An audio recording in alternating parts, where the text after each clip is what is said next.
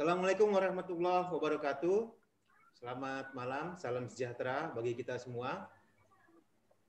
Selamat datang di talk show setiap Selasa malam jam 18.30 yang bertajuk Kades Iwan atau Kajian Desa bersama Iwan. Saya Iwan Sulaiman Sulasno,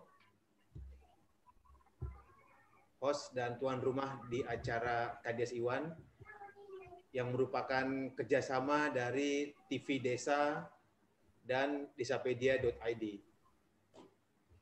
Kali ini sudah kita baru masuk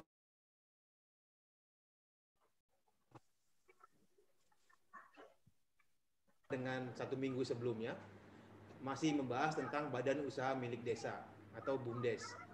Kalau minggu lalu kawan-kawan yang hadir secara virtual meeting kelihatannya belum begitu puas dengan apa yang sudah didiskusikan minggu lalu karena minggu lalu kita mengkaji apa tentang RUU BUM Desa dari uh, eh, PPUU DPD RI.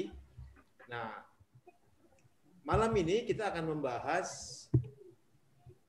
BUM Desa dari uh, pembahasan rancangan undang-undang Cipta Kerja atau Omnibus Law yang saat ini sedang dalam proses uh, pembahasan.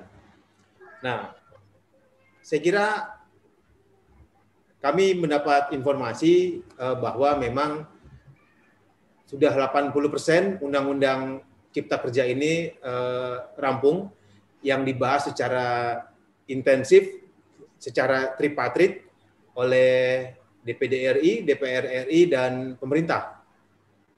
Nah, Eh, malam ini kita akan mencoba mengkaji lebih jauh Undang-Undang Omnibus Law, terutama yang hanya terkait pada uh, pengaturan tentang badan usaha milik desa atau BUMDes.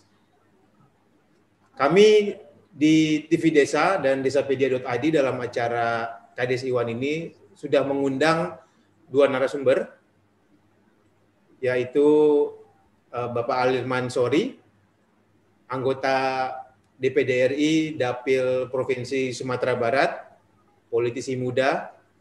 Eh, sebelumnya beliau pernah menjabat sebagai eh, juga ketua panitia perancang undang-undang DPD RI dan eh, beliau banyak apa membidangi dan menginisiasi katakanlah sebagai penggagas dari lahirnya RUU BUMDes di DPD RI yang minggu lalu sempat kita bahas.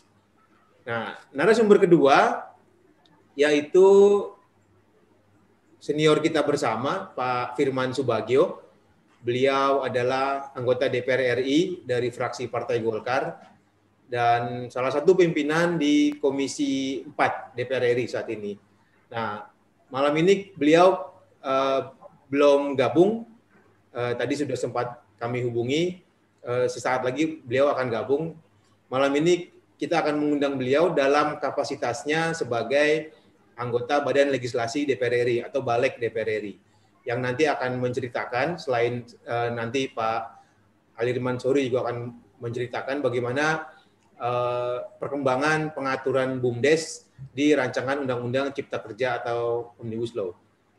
Nah, di luar studio sudah turun hujan kelihatannya sejak sore tadi mungkin sambil menunggu rekan-rekan kita semua, kawan-kawan dari seluruh Indonesia bergabung, baik melalui uh, aplikasi Zoom Meeting yang sudah kami sediakan maupun yang bisa uh, menyaksikan live streaming uh, secara langsung uh, melalui saluran YouTube uh, tvdesa.id. Pak Alirman Sori, ya. selamat ya, malam. Malam, Pak. Ya, saya kita sambil menunggu Pak Firman Subagio, kita ya, bisa mas. mulai kita bisa mulai ya, boleh, ya Pak. Mas, boleh, boleh, boleh Mas ya. Kita bisa mulai dari uh, presentasi pemaparan Pak Alirman Sori. Kalau hmm. ada PowerPoint-nya nanti bisa ditampilkan atau uh, bisa sambil di, di nanti kami siapkan waktu plus minus kurang lebih 15 menit untuk Pak Alirman Sori untuk memaparkan bagaimana pengaturan BUMDes di RUU Cipta Kerja karena yang kami ketahui uh, eh, RUU ini cukup intensif dibahas secara tripartit, DPD RI, DPR RI, dan pemerintah. Waktu dan tempat saya persilakan kepada Pak Ali Mansori. Baik, Assalamualaikum warahmatullahi wabarakatuh. Selamat malam, salam sejahtera untuk kita semua. Eh, pertama, saya menyampaikan terima kasih. Izin Mas, namanya siapa Mas? Saya Iwan, Pak. Eh, Iwan, Pak, eh, sorry, ya, tanya lagi.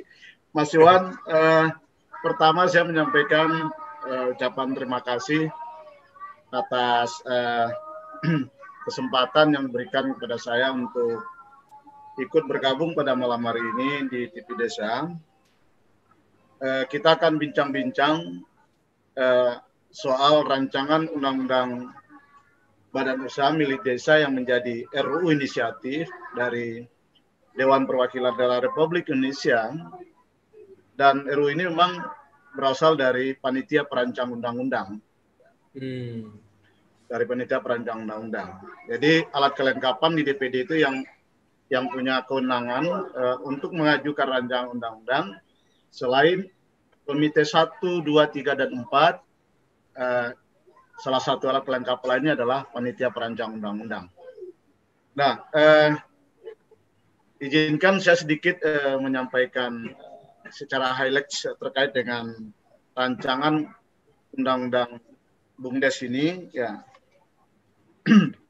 pertama ini sudah merupakan keputusan politik dari lembaga DPD RI uh, untuk tahun 2020 ya ketika saya masih menjadi ketua panitia perancang undang-undang periode 2019-2020 eh, ya diputuskan bahwa RUU BUMDes ini menjadi RUU inisiatif eh, DPD RI atau lewat pintunya jendelanya adalah PPU dan RUU ini sudah masuk dalam uh, prolegnas prioritas eh bukan prolegnas long list ya 2020-2024. Nah, memang rencana kita bagaimana RUU ini bisa menjadi RUU prioritas pada tahun 2021.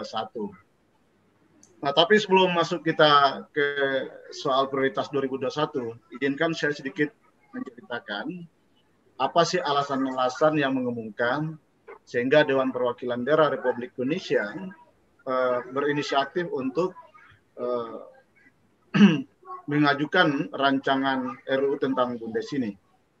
Nah, eh, setelah kita lihat perjalanan Undang-Undang Desa Nomor 6 Tahun 2014, ya, secara efektif mulai eh, dilaksanakan 2015 itu, ya, sampai sekarang eh, sudah lebih 45 ribu lebih bumdes sudah terbentuk di seluruh Indonesia. Nah, ketika kita melihat perjalanan eh, bumdes ini di lebih kurang 45 ribu yang sudah terbentuk, ya ternyata eh, ada yang berjalan eh, biasa-biasa uh, saja, kemudian ada yang berjalan cukup dinamis, ya cukup berkembang, tapi ke sebagian besar itu mangkrak dia. Bumdesnya ada, tapi kegiatan-kegiatan unit usahanya itu ya boleh dikatakan uh, tidak produktif gitu. Nah, setelah kita teliti, salah satu penyebabnya adalah uh, pertama uh, Bundes ini kalau kita lihat dari undang-undang uh, desa, dia kan hanya diatur di pasal 88 yang pendirian Bundes ini disepakati melalui uh, musyawarah desa. Ya. Dan kalimatnya dapat membentuk Bundes gitu, di desa. Nah, tentu kalau kita ingin uh, memperkuat keberadaan kedudukan dari Bumdes ini, salah satu yang harus kita siapkan adalah perangkat regulasinya. Nah, regulasi ini menjadi penting ya supaya nanti penataan dari BUMDes ini benar-benar uh, bisa berdiri uh, secara kokoh ya.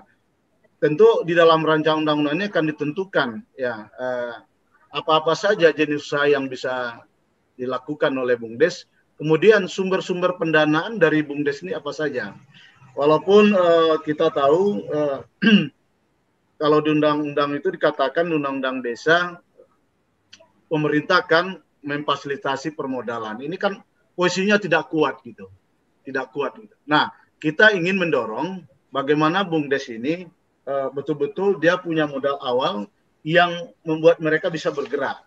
Nah, jadi soal kan ada dua persoalan di, di BUMDes kita lihat. Pertama sumber modalnya, yang kedua soal sumber daya manusianya. Uangnya banyak, sumber daya manusia juga tidak uh, tidak bagus, tidak baik. Ini kan menjadi soal juga. Nah, kita ingin bagaimana antara kapital dengan sumber daya manusianya itu berjalan secara uh, equal, sejajar gitu. Sehingga uang yang kita kucurkan untuk permodalan desa ini benar-benar dirasakan manfaatnya. Nah, sekarang kan uh, ada IDM istilahnya ya, indeks desa uh, membangun. Ada yang sangat tertinggal, ada tertinggal, kemudian ada berkembang, ada maju, dan ada yang sudah mendiri. Nah, tentu uh, kalau ingin konsep yang dibangun oleh pemerintah uh, Pak Jokowi yang mengatakan semboyannya adalah membangun Indonesia dari pinggiran atau desa, ya salah satu uh, BUMDes ini adalah serana untuk uh, memperkuat uh, yang bisa diharapkan menjadi sumber pendapatan asli dari desa itu sendiri gitu. Nah, tentu ini tidak cukup dengan semboyan saja. Bagaimana kehadiran negara untuk mendorong BUMDes ini benar-benar menjadi unit usaha yang di lokal yang betul-betul dirasakan manfaatnya oleh desa dan masyarakat itu sendiri. Nah, ini kan tidak sederhana dan tidak mudah. Sebenarnya kalau kita mau melihat aturan-aturan yang sudah ada sebenarnya, misalnya TAP MPR nomor 16 tahun 98 soal demo, ekonomi demokrasi itu, rohnya itu kan sebenarnya ada tingkat UKM uh, eh, itu sendiri. Tetapi dalam praktiknya, dalam implementasinya kan ini yang belum clear. Ya sehingga kelahiran Undang-Undang Desa nomor 6 ini saya kira ini adalah jendela masuk bagi negara, bagi kita semuanya untuk bagaimana mendorong uh, keberadaan Mundes ini benar-benar uh, bisa terwujud dengan baik. Nah, kalau kita kaitkan sekarang uh, di tengah uh, berjalannya pembahasan rancangan Undang-Undang uh, Cipta Kerja Omnibus Law ini, inilah pertanyaan-pertanyaan besar yang harus kita ajukan. Ya, kenapa dikatakan demikian? RUU Omnibus Law ini tuh Cipta Kerja ini, uh, Mas Iwan, paling ya. tidak ada 79 undang-undang menjadi existing di sini yang akan diramu menjadi satu undang-undang. Nah, timbul juga pertanyaan kalau kita belajar belajar hukum gitu. Ini undang-undang sebanyak ini apakah ini unifikasi hukum atau kodifikasi hukum? Kita kita menjadi agak agak bertanya-tanya juga. Nah, untuk itu sebenarnya DPD menginisiasi UU Bundes ini memang bersifat led spesialis. Nah, kalau dia tidak dibangun dalam konteks les spesialis, terlalu banyak benturan dengan undang-undang sektoral lainnya. Undang-undang sektoral lainnya. Nah, tapi kalau dia led spesialis, ya tentu uh, rancang undang-undang ini disiapkan memang betul-betul bagaimana memperkuat keberadaan dari uh, Bundes ini. Nah, kita uh, DPD RI sudah sudah menyiapkan naskah akademik, sudah draft undang-undang sudah siap, dan ini akan segera akan disampaikan kepada DPRI dan pemerintah untuk dibahas secara tripartitnya. Walaupun di dalam uh, prolegnas sudah menjadi sepakatan politik antara tiga lembaga DPR, DPD dan pemerintah. Nah di DPD kita mencoba menginisiasi, kita bicara soal modal dulu. Soal yang lain nanti bisa kita diskusikan lebih lanjut gitu. Nah di rancang undang-undang uh, Bundes ini modal desa itu pertama bersumber dari pernyataan modal desa itu sendiri. Nah, kemudian yang kedua, pernyataan modal dari masyarakat desa. Kemudian ada ibah dan juga ada pinjaman yang bisa dilanjut, eh, yang bisa dilakukan. Nah, lalu bagaimana kehadiran pemerintah, kehadiran, kehadiran negara untuk memperkuat pengembangan bundes ini? Ya kita sudah atur juga di dalam pasal 24 bahwa untuk pengembangan dana des, bundes ini adalah bagaimana uh, apa namanya mm, kehadiran pemerintah pusat melalui APBN, kemudian provinsi, kabupaten dan kota untuk ikut mengembangkan permodalan untuk dana uh, BUMDes ini. Nah, saya kira ini uh, menarik untuk kita diskusikan. Nah, tentu uh, saya kemarin kepada teman-teman yang uh, kepada ketua PPU juga dan anggota yang lain yang terlibat intens sekarang membahas ya. Saya berharap ada dana modal awal dulu yang di given diberi oleh negara. Pendapat saya waktu itu saya sampaikan dua opsi. Apakah dalam bentuk persentase atau dalam bentuk nominal langsung. Misalnya, sebagai modal awal untuk Bundes ini negara atau pemerintah pusat menyediakan dana lebih kurang 500 juta, misalnya seperti ini. Ini contoh-contoh saja dulu. Nah, dengan dengan modal 500 juta, saya kira ini sudah menjadi modal awal untuk bisa bergerak bagi BUMDes di seluruh Indonesia. Kalau memang kita berkomitmen ingin memajukan uh, BUMDes ini sebagai sumber salah satu sumber pendapatan asli desa itu sendiri. Nah, nanti baru soal permodalan-permodalan lain itu sudah kita atur dalam uh, rancangan undang-undang ini. Dan BUMDes ini bisa uh, bekerja sama antar BUMDes gitu. Jadi uh, dia bisa bekerja sama dengan desa lain. Nah, kalau kalau seandainya desa A tidak punya potensi yang uh, maksimal, dia bisa bergabung menjadi satu gitu. Nah, jadi bisa bisa ada kerjasama antar desa dan sebagainya. Nah, barangkali uh, di dalam kaitannya pembahasan RUU Cipta Kerja ini, inilah yang perlu menjadi perhatian dan keseriusan kita. Apakah uh, ur, apa bundes ini perlu diatur di dalam uh, Undang-Undang Cipta Kerja misalnya? Karena memang uh, sudah ada undang-undang organik uh, sebagai pintu masuknya Undang-Undang Nomor 6 2014 yang sudah memberikan dasar hukum yang sangat minimalis itu. Nah, tapi karena ini minimalis, soal bagaimana permodalan, soal bagaimana unit usaha, bagaimana pengawasannya, bagaimana perencanaannya, bagaimana pelaksanaannya, bagaimana evaluasinya kan belum diatur di dalam undang-undang desa itu. Nah, kita ingin mengkanalisasi lewat undang-undang Bundes ini semuanya kita kita atur dengan baik, dengan rapi sehingga nanti ini menjadi payung hukum yang kuat bagi keberadaan uh, Bundes ini. Walaupun awalnya adalah ini merupakan kesepakatan forum musyawarah desa yang menentukan, tetapi nanti sebagai aturan yang lebih tinggi akan diperkuat melalui undang-undang uh, BUMDes ini. Begitu Mas Iwan, ya tentu uh, nanti lebih lanjut kita bisa akan diskusi ya. Lagi inilah dasarnya kami DPD RI mencoba untuk menginisiasi, ingin melindungi, ingin mendorong bagaimana badan usaha milik desa ini benar-benar bisa terwujud dari desa tertinggal uh, menjadi desa uh, tinggal ya uh, berke, berkembang maju dan mendiri. Nah, untuk menuju mendiri ini tentu komitmen negara harus serius. Terakhir adalah kalau memang Bundes ini bisa berkembang dengan baik, ini adalah bentuk keberpihakan negara yang dikatakan oleh pemerintah membangun Indonesia dari desa. Dan kita yakin ini adalah merupakan termasuk implementasi dari Undang-Undang Dasar Negara Republik Indonesia tahun 1945 pasal 33 itu ya pada dasarnya eh, roh eh, daripada eh, perekonomian Indonesia itu adalah bagaimana eh, ekonomi Pancasila yang bentuk eh, menghidupkan kembali kooperasi. Kalau sekarang mungkin sudah bertransformasi karena perkembangan zaman yang lebih dikenal juga ada perkembangan dalam bentuk UMKM itu sendiri. Nah, saya kira ini menjadi penting uh, untuk menjadi konsen kita, ya sehingga saya berharap nanti dalam pembahasan RUU Cipta Kerja ini ya kalau bisa terkait dengan RUU Desa ini tidak masuk dalam uh, ketetapan yang diatur di dalam Undang-Undang Cipta Kerja. Karena undang-undang ini adalah bersifat spesialis, dia tidak mengganggu undang-undang desa, bahkan keberadaan RUU ini akan memperkuat posisi menerjemahkan lebih dalam apa yang diatur di Undang-Undang Desa uh, tentang keberadaan Bundes. Karena memang pasal 88, pasal 87 di Undang Desa itu uh, sedikit sekali memberikan uh, jaminan terhadap keberadaan dari uh, Bung Des itu Mas Iwan. Saya kira inilah uh, awal dari pembicaraan diskusi kita pada malam hari ini. Mungkin lebih lanjut kita akan bisa diskusi untuk mendalaminya. Saya kembalikan Mas Iwan. Baik, Pak Alirman Sori, anggota DPD RI yang juga anggota PPUU, Panitia Perancang Undang-Undang di DPD RI baru saja menjelaskan soal uh, eh, RUU BUMDes yang sudah menjadi keputusan politik dari DPD RI dan beliau tadi sudah sampaikan sudah masuk di long list ya di prolegnas uh, 2020 2024 2020 2024 ya itu.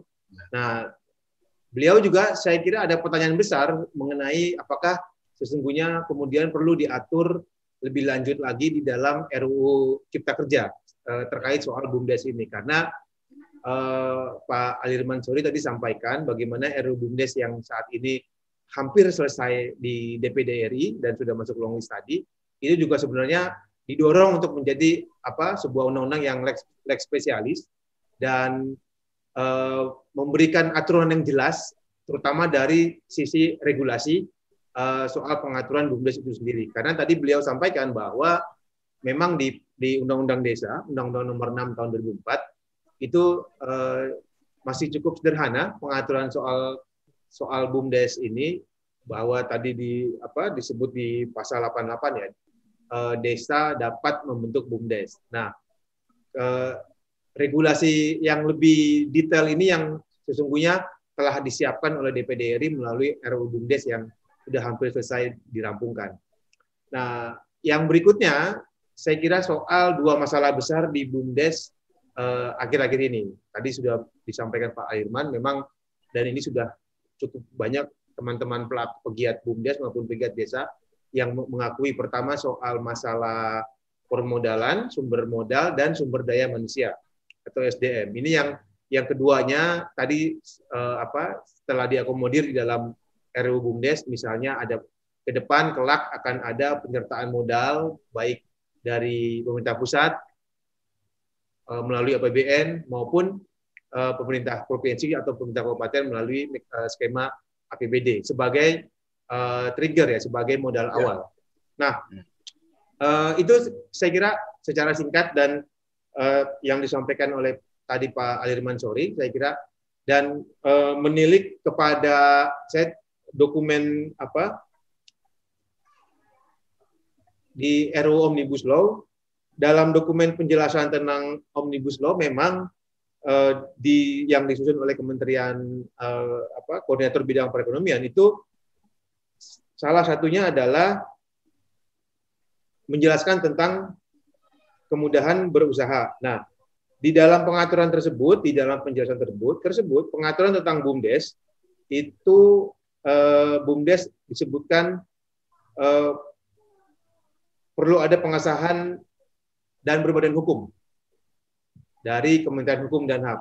Nah ini saya sebenarnya menunggu konfirmasi dari Pak Firman Subagio yang kita masih menunggu beliau untuk bergabung sejauh mana uh, pembahasan pengat, apa omnibus law ini sedang berjalan, terutama yang terkait dengan pengaturan uh, BUMDes.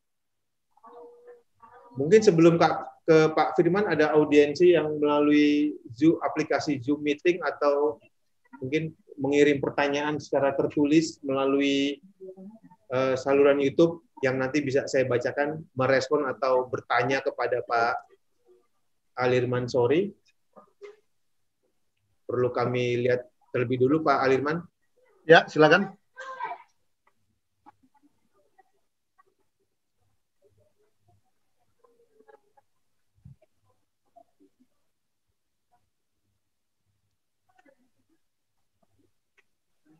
Belum ada ya. Uh, belum ada mungkin lagi cari-cari posisi pas.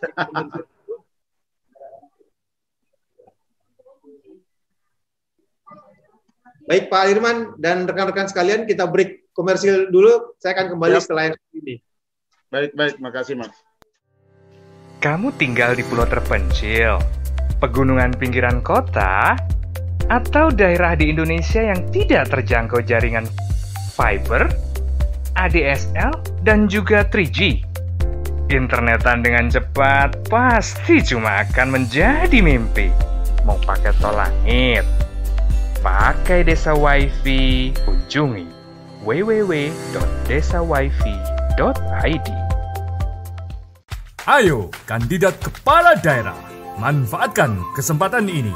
TV Desa mengundang Anda bicara desa. 5 menit bisa Bicara Desa Sebuah program tayangan monolog. Konsep membangun dari desa Dari kandidat untuk masyarakat. 5 menit bisa Bicara Desa. Hanya di TV Desa.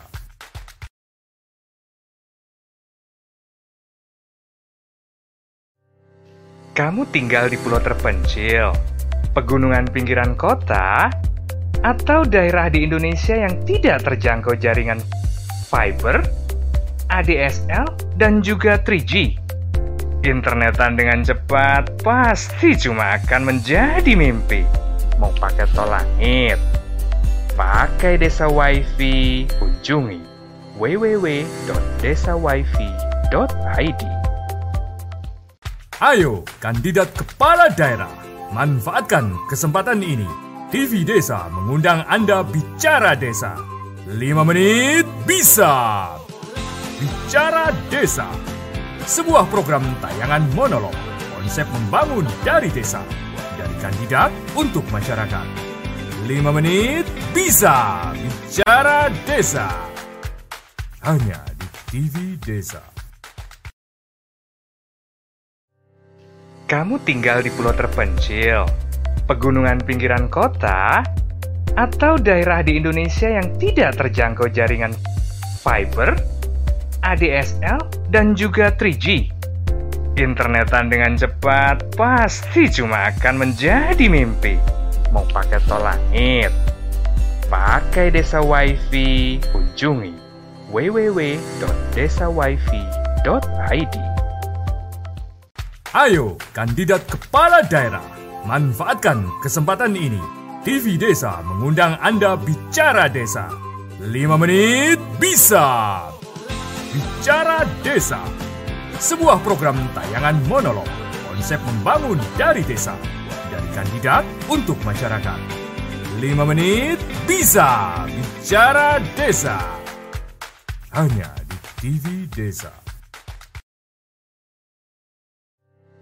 Kamu tinggal di pulau terpencil, pegunungan pinggiran kota, atau daerah di Indonesia yang tidak terjangkau jaringan fiber, ADSL, dan juga 3G.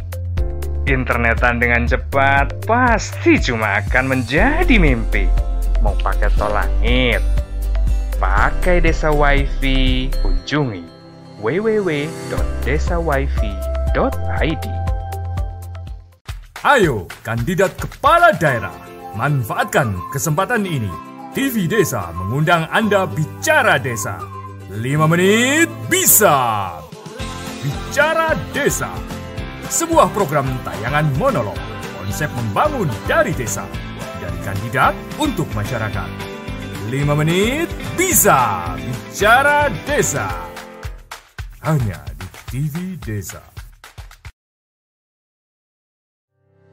Kamu tinggal di pulau terpencil, pegunungan pinggiran kota, atau daerah di Indonesia yang tidak terjangkau jaringan fiber, ADSL, dan juga 3G. Internetan dengan cepat pasti cuma akan menjadi mimpi. Mau pakai tol langit, pakai desa wifi, kunjungi www.desawifi.id. Ayo, kandidat kepala daerah, manfaatkan kesempatan ini. TV Desa mengundang Anda bicara desa. 5 menit bisa. Bicara Desa sebuah program tayangan monolog, konsep membangun dari desa, dari kandidat untuk masyarakat. 5 menit bisa bicara desa. Hanya di TV Desa.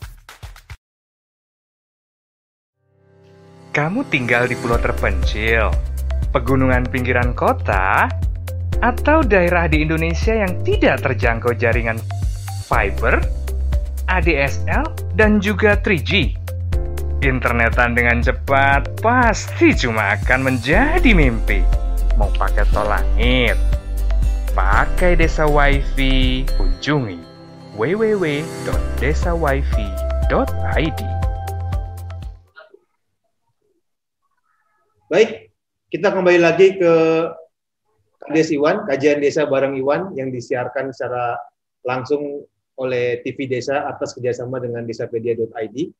Dan rekan-rekan sekalian yang menyaksikan melalui saluran YouTube kami, eh, baru saja Pak Alirman Sori tadi menjelaskan tentang eh, bagaimana rancangan undang-undang BUMDes telah dirumuskan oleh DPD RI dan ini menunjukkan keberpihakan DPD RI terhadap uh, desa tentu saja dan uh, Pak Alirman Sori juga mengajak uh, negara secara keseluruhan untuk menunjukkan keberpihakannya juga kepada uh, desa melalui uh, dukungannya terhadap rancangan undang-undang BUMDes ini sendiri.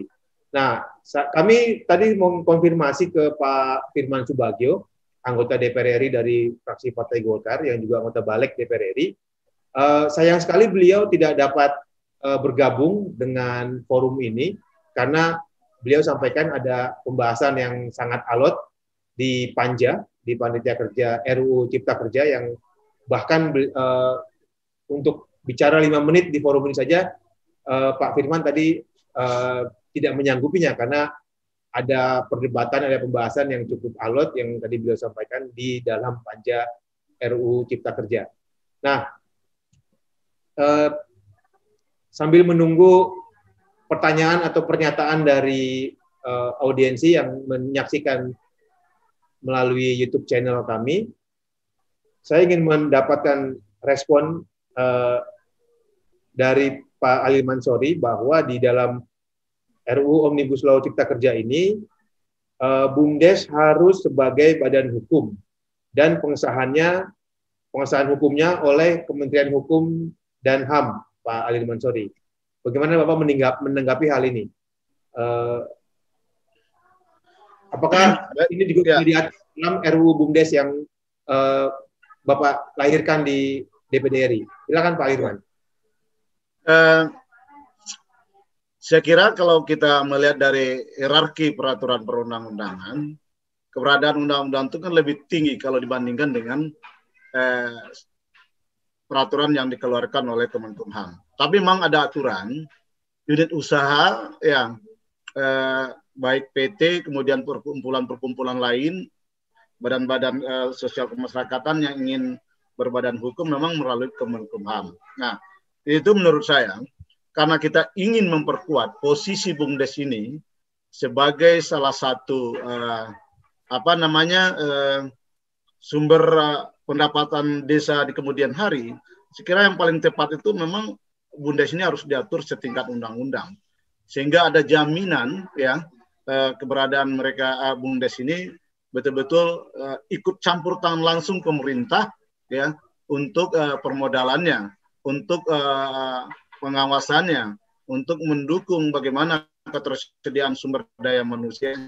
Nah, itu menurut saya eh, pengaturan di tingkat eh, Permenkum eh, HAM misalnya eh, berbadan hukum memang tidak ada yang salah, tetapi kita ingin menjadikan ingin mengangkat derajat BUMDes ini benar-benar eh, diatur setingkat undang-undang. Makanya kita katakan tadi bahwa RUU yang disiapkan oleh DPD ini memang bersifat lab spesialis Kenapa oleh spesialis ya?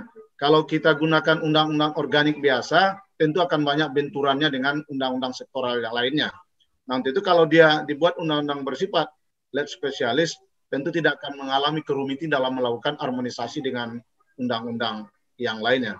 Nah, tentu sebagai eh, apa namanya Dewan Perwakilan Daerah Republik Indonesia sebagai bentuk keberpihakan kami membangun daerah dan itu sudah deadline-nya sebenarnya di dalam pidato kenegaraan tanggal 14 Agustus kemarin itu, Pak Jokowi dalam slide-nya itu uh, langsung menyampaikan soal bagaimana badan usaha milik desa itu.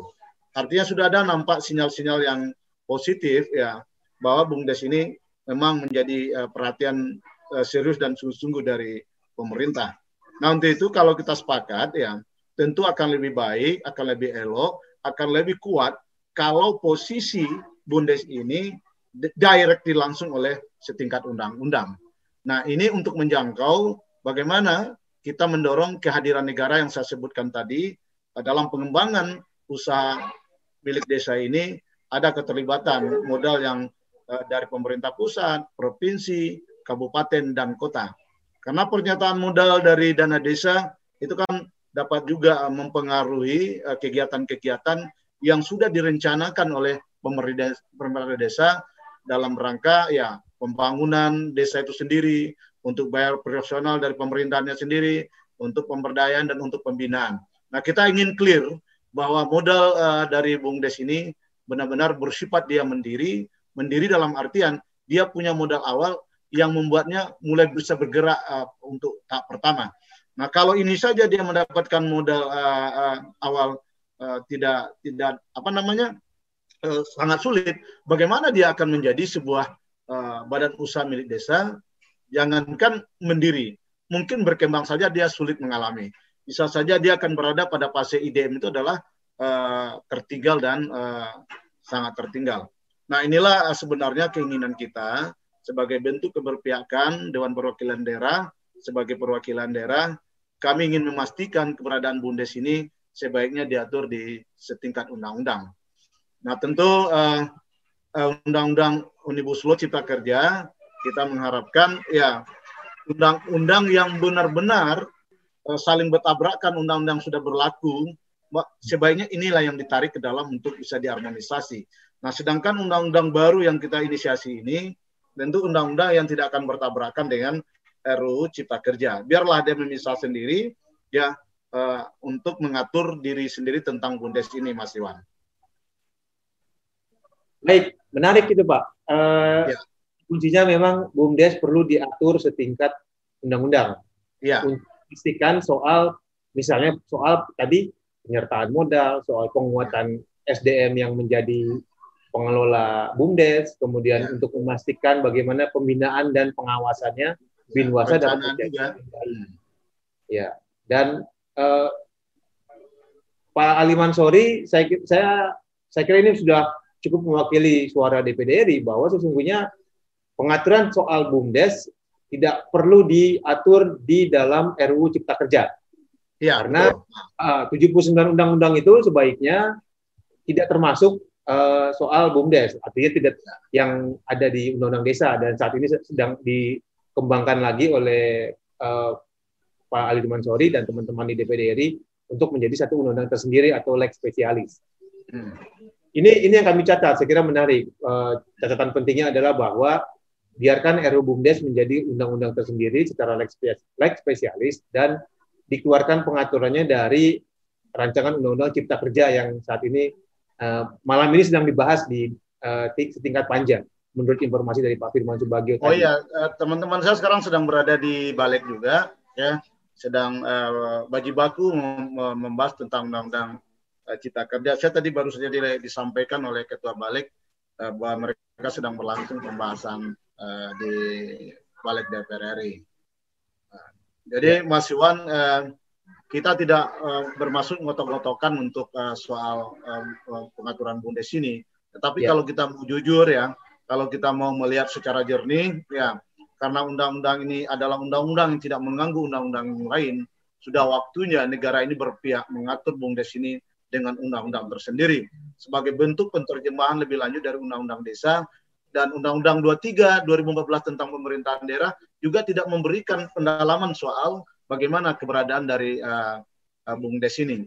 Nah, tentu untuk penajamannya ya kita elaborasi elaborasi lebih jauh bagaimana pengaturannya di di undang-undang bumdes ini.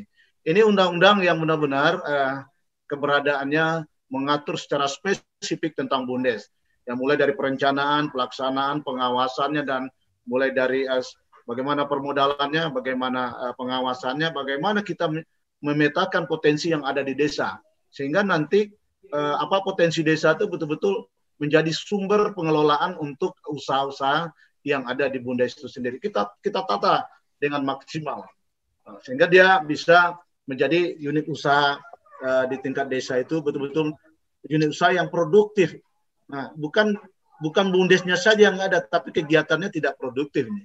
Nah, itu yang banyak terjadi. Misalnya saya mencontohkan di Sumatera Barat. Di Sumatera Barat itu ada 928 negari namanya. Dan ada juga desa. Tiga, tiga kabupaten, dua kota di Sumatera Barat itu masih desa.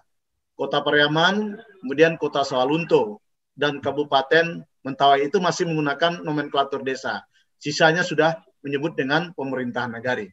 Nah, memang sudah hampir 90% itu terbentuk bundesnya. Tapi ketika kita lihat perkembangan kita coba uji petik dari beberapa bundes, itu ya yang ada sebenarnya bundesnya saja. Kegiatan-kegiatannya belum produktif. Saya mengatakan misalnya ada bundes yang eh, kerjanya sewa menyewa eh, perlengkapan untuk pesta. Ini kan sangat tidak produktif gitu. Nah, kita ingin bagaimana uh, apa namanya unit usaha yang dibangun yang dibuat oleh Bumdes ini unit usaha yang produktif dan bisa berkembang gitu. Yang dan, dan bisa berkontribusi untuk sebagai sumber pendapatan asli dari desa atau negari di Sumatera Barat itu. Nah, saya kira uh, pengaturan-pengaturan seperti ini tidak tidak cukup diatur keberadaannya legal standingnya itu melalui uh, Permenkum gitu. Nah, ini bukan bukan berarti Permenkum uh, bagian yang uh, tidak melegalitas dari sebuah unit usaha bukan begitu maksudnya. Tapi kalau diatur di setingkat undang-undang, kontrolnya itu ada. Makanya kita mencoba uh, kenapa orang bertanya kenapa tidak diatur aja dalam PP misalnya. Nah, kalau diatur dengan PP misalnya itu kan tidak bisa campur tangan legislat legis apa uh, parlemen langsung mengawasinya karena itu menjadi otoritas dari pemerintah sendiri. Nah, tapi kalau dia diatur setingkat undang-undang, DPR bisa mengawasi secara langsung, kemudian DPD bisa mengawasi secara langsung. Apalagi sumber dana yang digunakan sebagai bagian dari eh, permodalannya itu bersumber dari pemerintah pusat, pemerintah provinsi, kabupaten dan kota. Nah, kalau dananya bersumber dari pemerintah pusat, kan DPR dan DPD bisa menggunakan hak pengawasannya. Kalau itu bersumber dari APBD provinsi, DPRD provinsi bisa melakukan pengawasannya.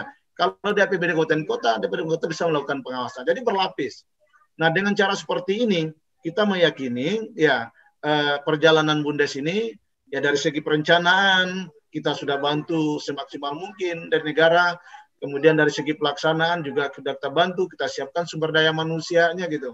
Kemudian kita coba memberikan pendidikan-pendidikan eh, kepada eh, aparatur yang mengelola Bumdes ini sehingga dia betul-betul memiliki jiwa kewirausahaan gitu dia dalam pola pikirnya ya di samping dia mendapatkan untung dan dia juga harus berkontribusi untuk membantu kegiatan-kegiatan sosial di tengah-tengah masyarakat di desa itu sendiri. Saya kira ini penting harus kita lakukan karena pengaturan secara lebih detail selain rigid di Undang-Undang Desa termasuk di Undang-Undang 23 tentang pemerintahan daerah 2014 itu belum ya. ada cantulan yang sangat signifikan, Mas Iwan. Ya, Pak Alirman, saya punya pertanyaan. Uh, bagaimana minggu lalu sempat muncul bagaimana eh, kawan-kawan di DPD RI uh, apa berharap respon seperti apa yang diharapkan dari Kementerian Desa PDTT terkait uh, eh, RUU BUMDes yang sedang disusun oleh uh, DPD RI. Ya, uh, memang uh, harapan kita dari Kementerian Desa bisa dan dapat menorong secara maksimal. Saya sudah pernah bicara dengan Sekjen juga Pak Sunusi Kemudian ketika saya dalam perjalanan mendamping Pak Menteri ke Sumatera Barat, ke kota Pariaman, Kabupaten Pariaman, dan kebetulan tempat kelahiran saya di Kabupaten Brebes Selatan, saya sempat juga menyampaikan ini kepada Pak Menteri gitu, bahwa ada inisiatif dari DPD uh, eh, tentang Bundes ini, uh, kami berharap dukungan dari uh, Kementerian uh, Desa untuk bisa memberikan support. Saya meyakinkan Pak Sanusi juga sebagai Sekjen ini adalah undang-undang yang akan memperkuat posisi Kementerian uh, Desa nanti karena ada keterlibatan secara uh, linear uh, Kementerian Desa untuk ikut ambil bagian di situ dalam melakukan pengawasan dan memberikan pelatihan-pelatihan kepada uh, apa namanya uh, pengurus kepengurusan dari uh, unit usaha uh, desa ini. Nah waktu itu uh, Pak Sekjen cukup memberikan respon ya tentu uh, sekarang terus kita lakukan. Bukan hanya bukan hanya Kemendes ya kita juga eh, coba meyakinkan pemerintah Kemendagri misalnya. Kan pengaturan tentang desa ini kan ada dua dua kementerian eh, secara teknis terlibat di situ. Kementerian Kemendes dan Kementerian eh, apa eh, Dedagri kalau Dedagrinya mungkin di sistem pemerintahannya Kemendesnya mungkin dari sisi pembinaan pemberdayaan dan segala macamnya. Nah sekira ini eh, harapan kita kepada kementerian terkait ya tentu uh, ini bagian yang uh, uh, baru yang yang ide baru yang bisa menjadi inspirasi baru juga bagi kita secara bersama-sama.